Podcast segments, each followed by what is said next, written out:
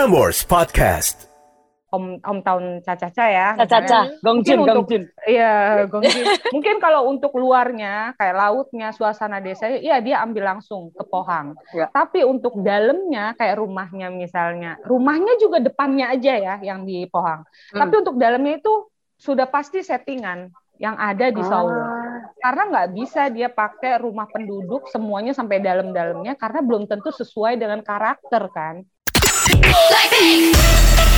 Semua tentang Korea ada di sini. Cinca Korea with Honey and Kenny. Only on Prambors. 안녕하세요. 친구들, 우리는 진짜 코레입니다. 진짜 Kore입니다. Annyeonghaseyo, Kim Yeon입니다.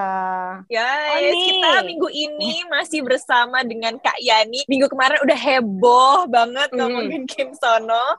Kali ini kita bakalan uh, membahas soal karirnya Kak Yani sendiri sebagai Hmm. keren banget orang Indonesia bisa berkarir masuk industri entertainment di Korea.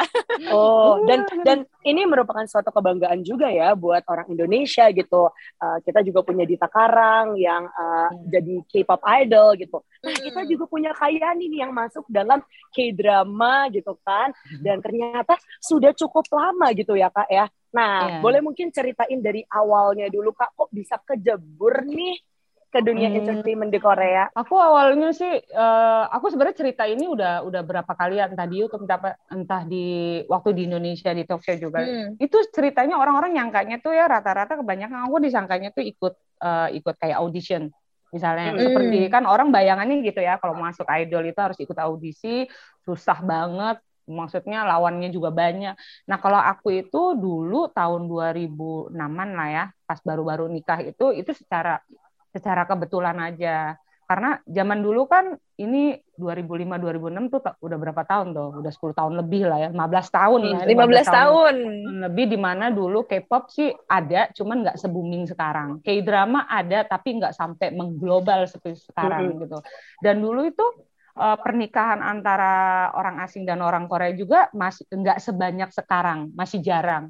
Dan aku pun kalau mau ketemu orang Indonesia aja di satu kota pun itu sulit sekali.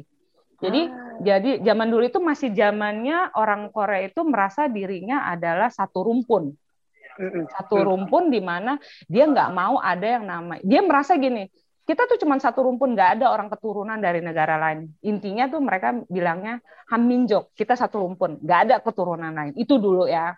Nah akhirnya ber- eh, banyak eh, laki-laki Korea atau laki- eh, perempuan-perempuan Korea yang semakin eh, mengikuti perkembangan zaman yang menikah dengan orang-orang asing kan. Dan saat Hmm. itu memang masih banyak orang Korea yang tidak bisa menerima pernikahan campuran. Nah, dari situlah pemerintah Korea akhirnya kayak memberikan kayak program-program tersendiri, kayak kayak ngasih inilah kayak campaign gitulah ya, Hmm. bahwa kita harus bisa menerima eh, orang asing terlebih mereka yang menikah dengan orang asing maksudnya eh, keluarga campuran kita harus bisa Hmm. menerima banyak banget entah iklannya entah kayak spanduk-spanduknya bahwa pernikahan campuran mereka itu adalah sama seperti kita eh, bayar pajak juga sama maksudnya harus Hmm. mendapatkan fasilitas yang sama juga seperti orang Korea itu dulu ya itu Ya. presiden Hmm. kalau nggak salah dulu Im Yong Pak Nah dari situ loh akhirnya banyak broadcasting eh, kayak ya kayak broadcasting broadcasting yang kayaknya ngincer pernikahan keluarga-keluarga campuran itu untuk masuk ke eh, serial film dokumentari menceritakan kisah nyata gitu loh. Kayak gitu. Iya, iya, iya, iya. Eh, jadi awalnya sih aku seperti itu. Jadi aku masuk di salah satu ditawarin kayak eh, kayak dokumentari gitu. Seperti apa sih eh, sebenarnya orang yang menikah dengan orang asing tinggalnya seperti apa? Emang begitu bedanya kah? Intinya untuk menunjukkan itu kepada orang-orang Hmm. Korea. Intinya acara Hmm. seperti itulah. Akhirnya bermunculan banyak acara kayak kayak talk show kayak di Indonesia mungkin ada istilahnya inter, eh, international class kan, kelas kan Hmm. ya kan Mhm. dulu. Nah di Korea juga dulu ada yang namanya talk show uh, Binyo dari Suda. Binyo dari Suda itu adalah cewek-cewek asing yang eh, talk show tapi yang jadi yang jadi eh, apa ya bukan tamu sih yang jadi orang-orangnya itu rata-rata orang asing gitu loh talk show-nya. Oh. Ah, jadi dari situ aku ikut dokumentari itu akhirnya banyak yang ya secara tidak langsung tahu kontak aku, ngubungin Hmm. kalau ada talk show sendiri. Misalnya ada talk show yang memang memang menginginkan guest spesialnya orang asing, aku dipanggil.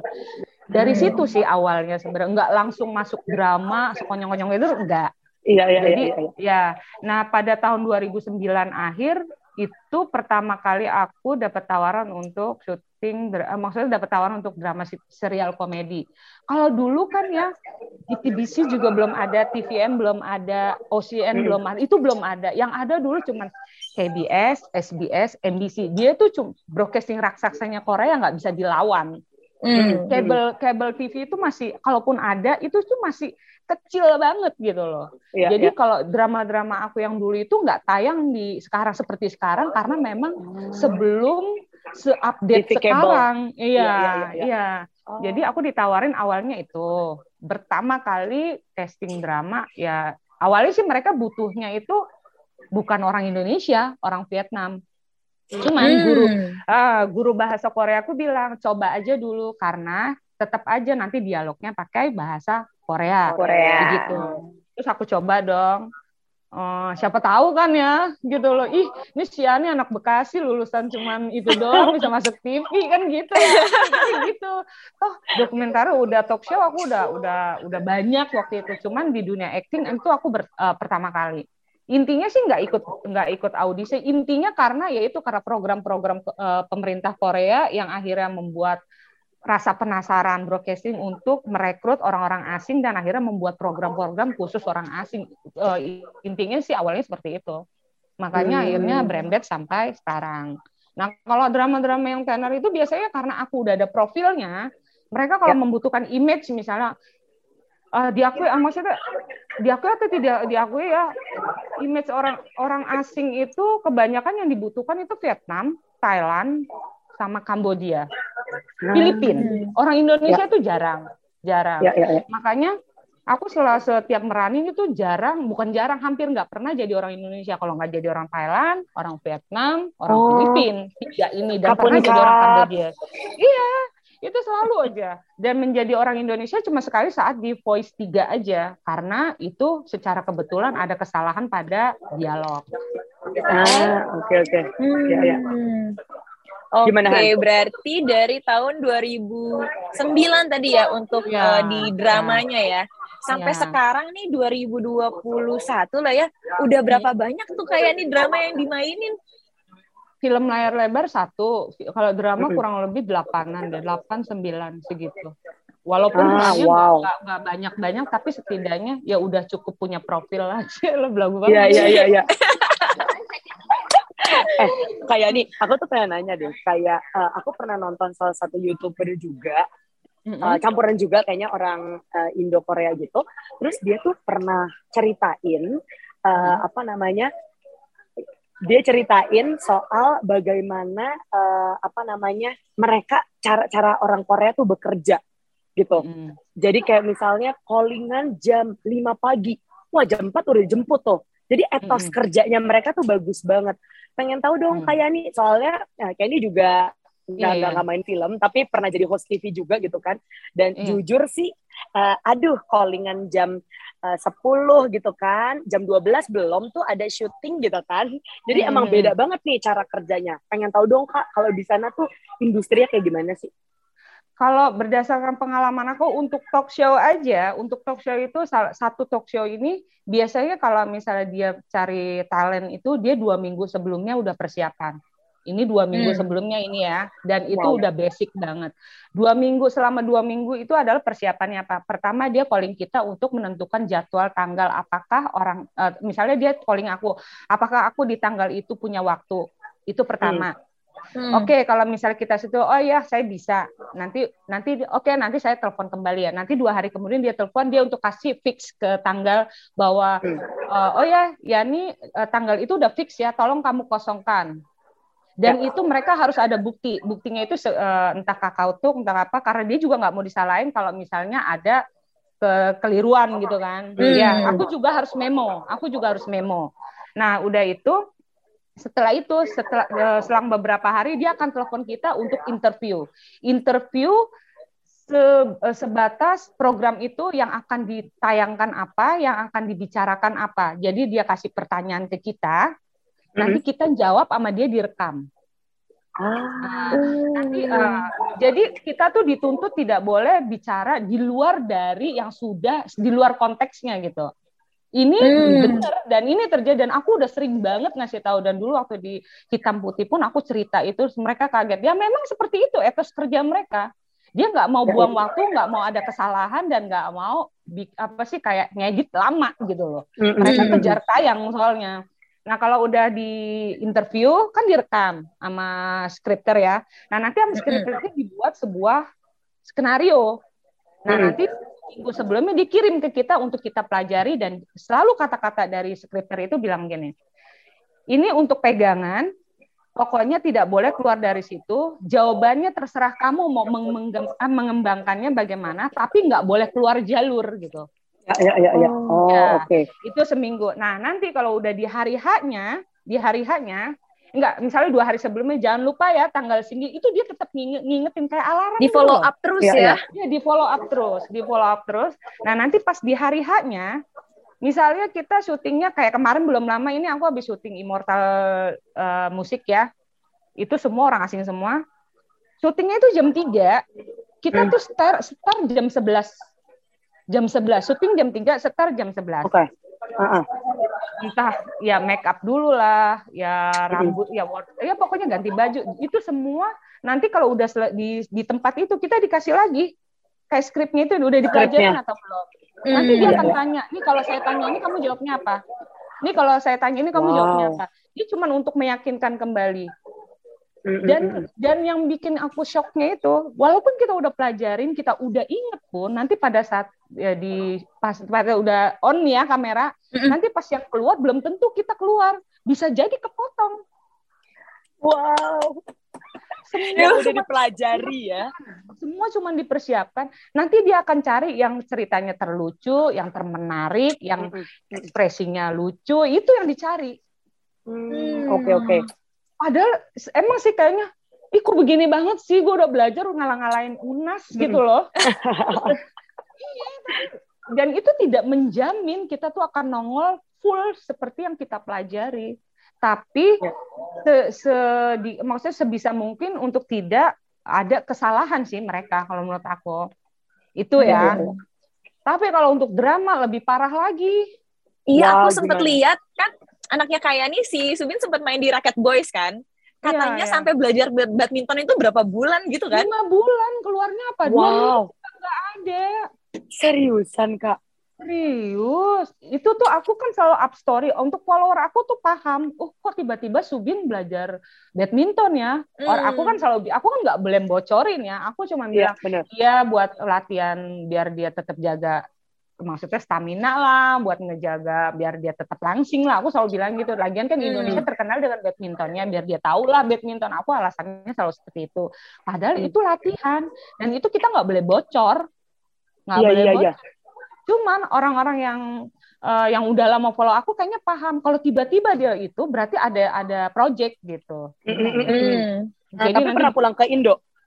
Kalau ke, sebelum corona pulang sih setiap setahun sekali Makan gue pernah nonton ininya, yeah, vlognya. Vlognya. Aduh, makan apa ya? ya? Makan jengkol ya, Kak? Mandi hujan, main, naik motor. Pokoknya gitu-gitu deh. Terus makan di pinggiran. Pokoknya kalau udah ke Indonesia, hal-hal yang nggak ada di Korea, Korea dia, dia harus nyobain. Uh, dia harus nyobain. Ah, iya iya iya. Iya, hmm. Subin itu latihannya lima bulan dan itu juga di, sama gurunya juga spesial. Guru memang dia mantan atlet juga dan belajar apa sih latihannya itu nggak cuma si Subin aja, pemeran utamanya juga sama harus latihan. Bahkan pemeran utamanya juga latihan tiga bulan sebelum Subin masuk. Oh wow, delapan bulan. Ya, iya, sebelum iya. Subin masuk. Terus apalagi? Untuk pemain yang ada lagi satu lagi yang jadi perannya jadi atlet Prancis kalau nggak salah. Dia juga sama latihannya lima bulan bareng sama Subin. Jadwalnya sama dijemputnya sama. Itu. Wow. padahal cuman keluar ya ampun dua menit. berapa itu dua menit. Itu juga cuman ah aku nggak bisa berkata-kata dan udah itu apes lagi. Itu kan sempat viral karena bikin sensasi oh iya benar iya iya iya, iya. Dan itu aku kena imbasnya juga kan karena anakku masuk di situ dipikirnya kita tahu skenario maksudnya dialognya itu ada yang melecehkan Indonesia kok kamu tahu diem aja gitu. Padahal kita udah lain jalur. Maksudnya itu kan dialog untuk pemain maksudnya pemain yang lain. Ceritanya itu kalau nggak salah coachnya deh Iya coachnya. Coach si pelatnasnya gitu. Iya pelatnasnya. Hmm. Padahal itu kan dialog untuk coachnya, bukan dialog kita. Kita mah khusus untuk dilatih jadi pelatih yang tanpa dialog. Jadi nggak ada nggak hmm. ada kita nggak ada skrip. Kita nggak yeah. ada iya. skrip. Kita cuma dikasih kayak ini aja loh kayak gambar-gambar saat mau mau smash bagaimana yang tanpa kata-kata gitu cuma dikasih hmm. gambaran hmm. aja bahwa ini nanti hmm. Subin begini si ini begini itu dikasih gambaran aja kayak webtoon gitu Ah, oke okay, oke. Okay. Kan ada dua jenis ya skrip skrip yang dialog sama skrip yang gambar itu ya sketsa ya.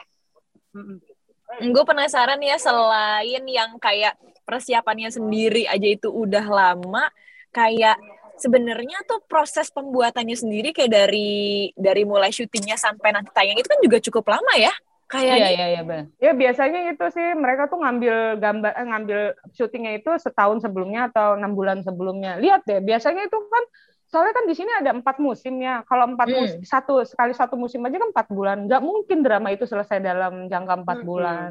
Hmm. Kalau misalnya dia mau tayangnya musim dingin ya dia harus ambil uh, syutingnya itu musim dingin di tahun sebelumnya. Kalau seandainya dia mau musim panas, ya dia harus ambil di musim panas sebelumnya. Bahkan walaupun dia ambil videonya jauh-jauh hari pun, kadang di hari tayangnya pun dia harus kejar tayang kan, karena memang nggak cukup hmm. waktunya.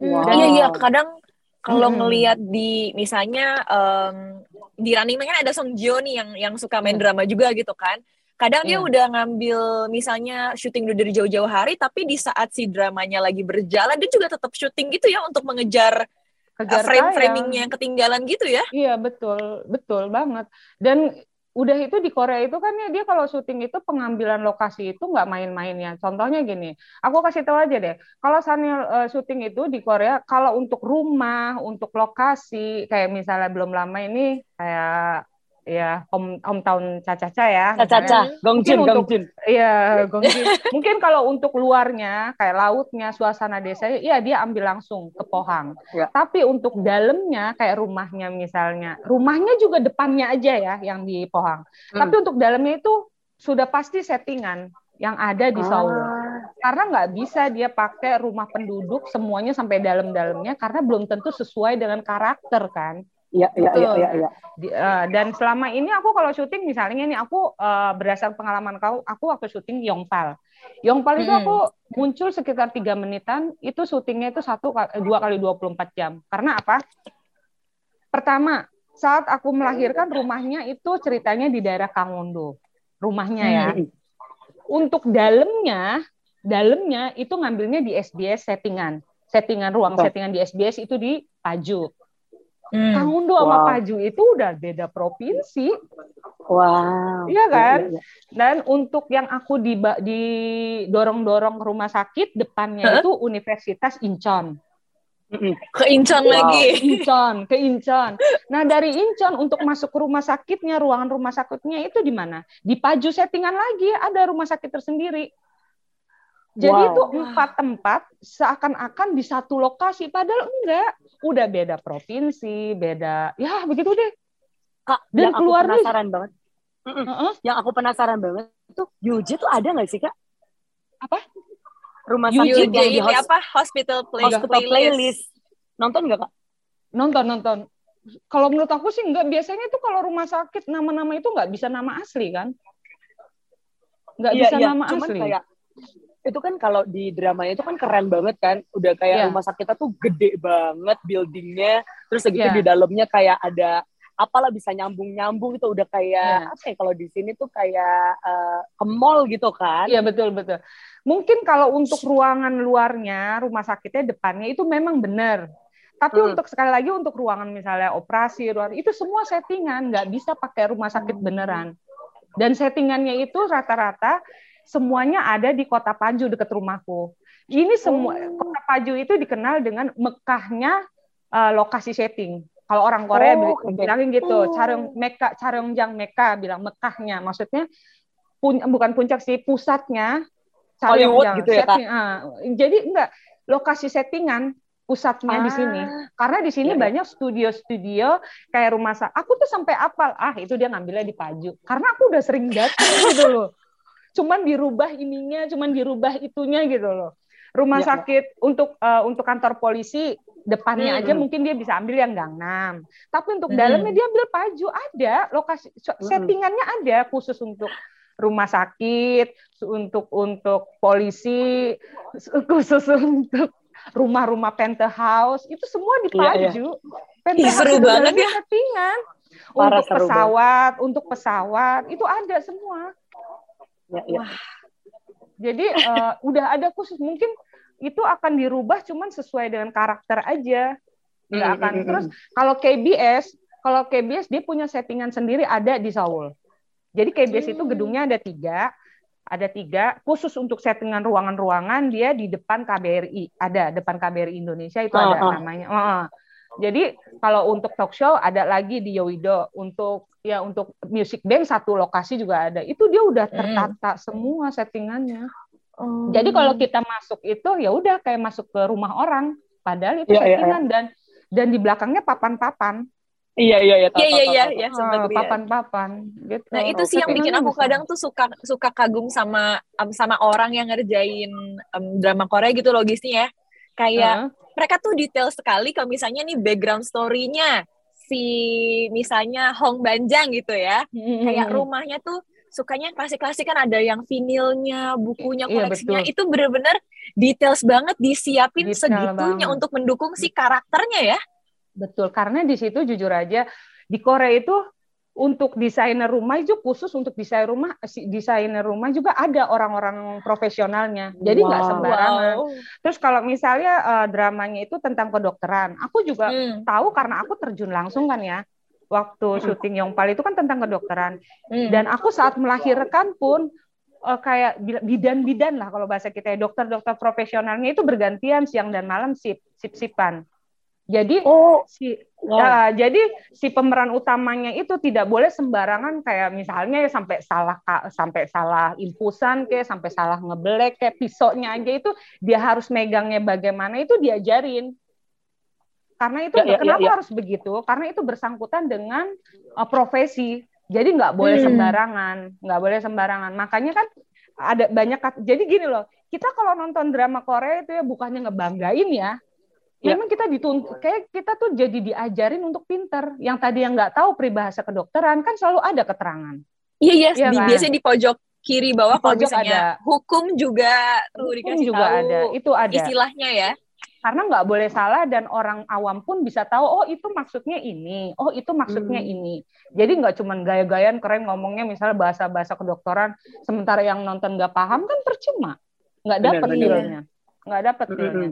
Dan itu aku tahu sendiri ternyata oh ada bidannya. Jadi dok, jadi pas saat dia mau ngebelek perut aku buat mau nyuntik dada gitu, dia tahu ini di sini tulangnya ini nggak boleh salah ya. Nah pas saat itulah itu tangannya dia, dokter di sebelah ngasih tahu. Saat ini kamu harus tusuk, eh maksudnya harus suntik. Atau pada oh. saat ngebeleknya juga tangan kamu misalnya kelingkingnya nggak boleh begini lah, nggak itu dia ngajarin harus begini, itu dia ngasih tahu.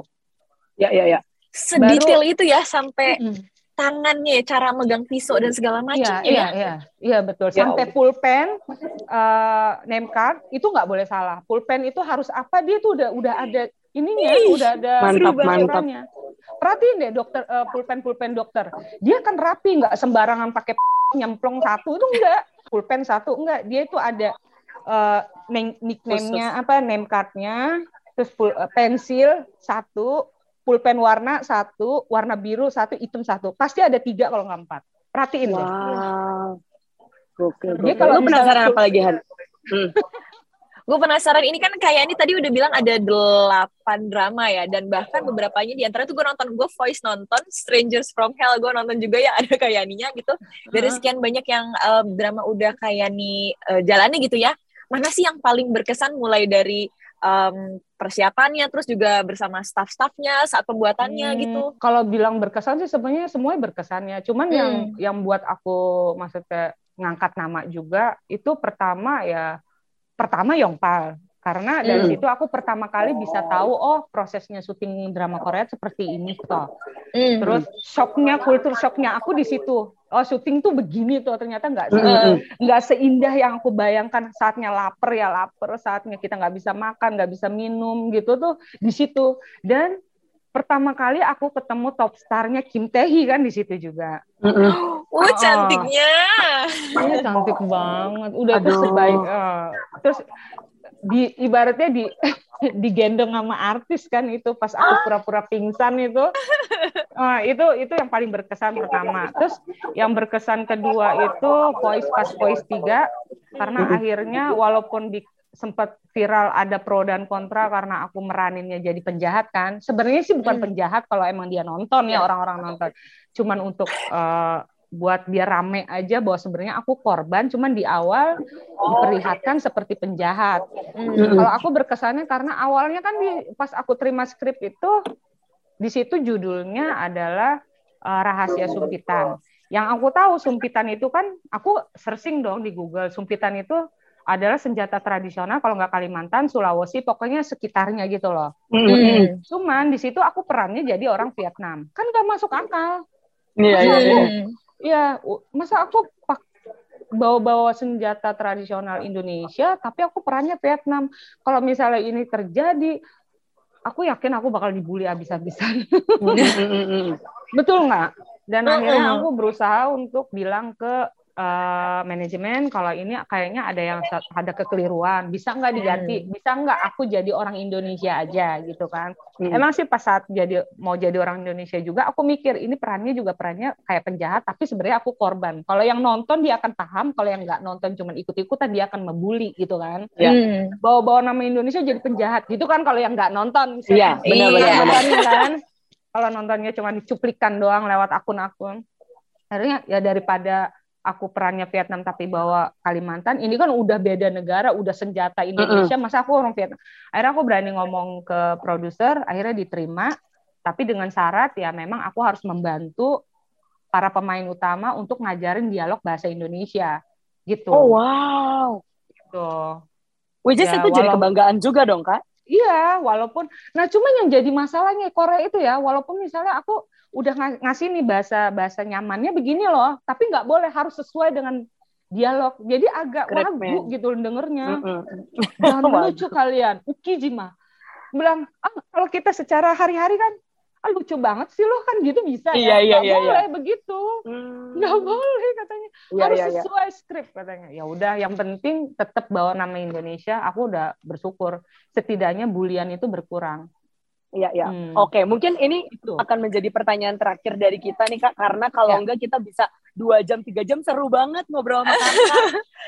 Sumpah deh. Oke, Kak, uh, mungkin kan udah ada delapan atau sembilan film juga nih yang hmm. nih peranin uh, ke depannya gitu. Kayak ini ya. nih pengen main film, kan boleh ya, ber, bermimpi. Hmm. Boleh karena kan kalau aku tanya, Uh -uh, karena kalau aku nanya proyek selanjutnya apa kan gak bakal dikasih tahu tuh kak. Nah, betul. Jadi aku nanya kira-kira kakak tuh yang kayak satu peran atau film yang kayak gimana yang pengen kakak peranin di masa depan?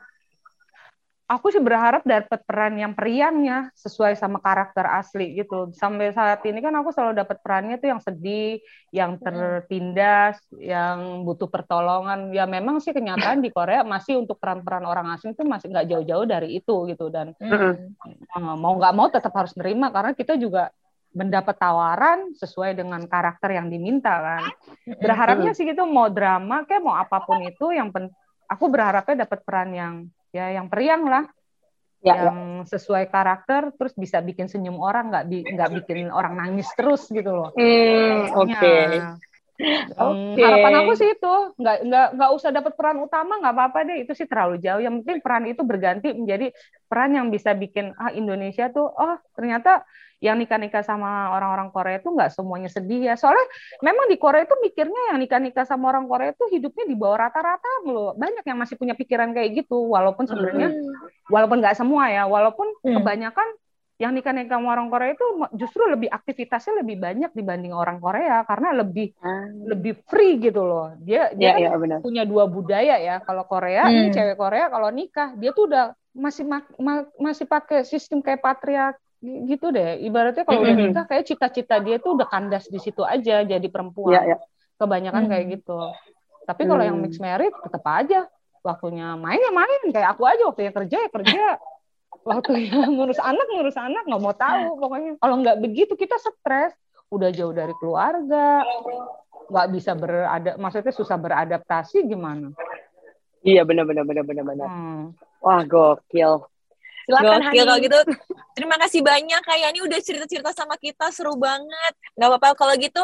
Terima kasih banyak untuk kayak nih sukses selalu di sana keluarga juga sehat untuk hmm. um, Endi sama Subin juga sehat selalu. Siapa tahu abis ini Subin mau ikut mamanya berkarir juga kan di dunia entertainment setelah oh, serem, Boys. Setelah serem. kasus, kasus banyak serem nyuruh anak jadi ini nggak mau deh udah jadi apa adanya biasa aja serem asik kayak nih kalau misalnya Kenny jadi ke Korea kita ketemuan ya kayak nih oke kapan aja telepon aja atau hubungin yeah. aja nah, pasti aku temuin.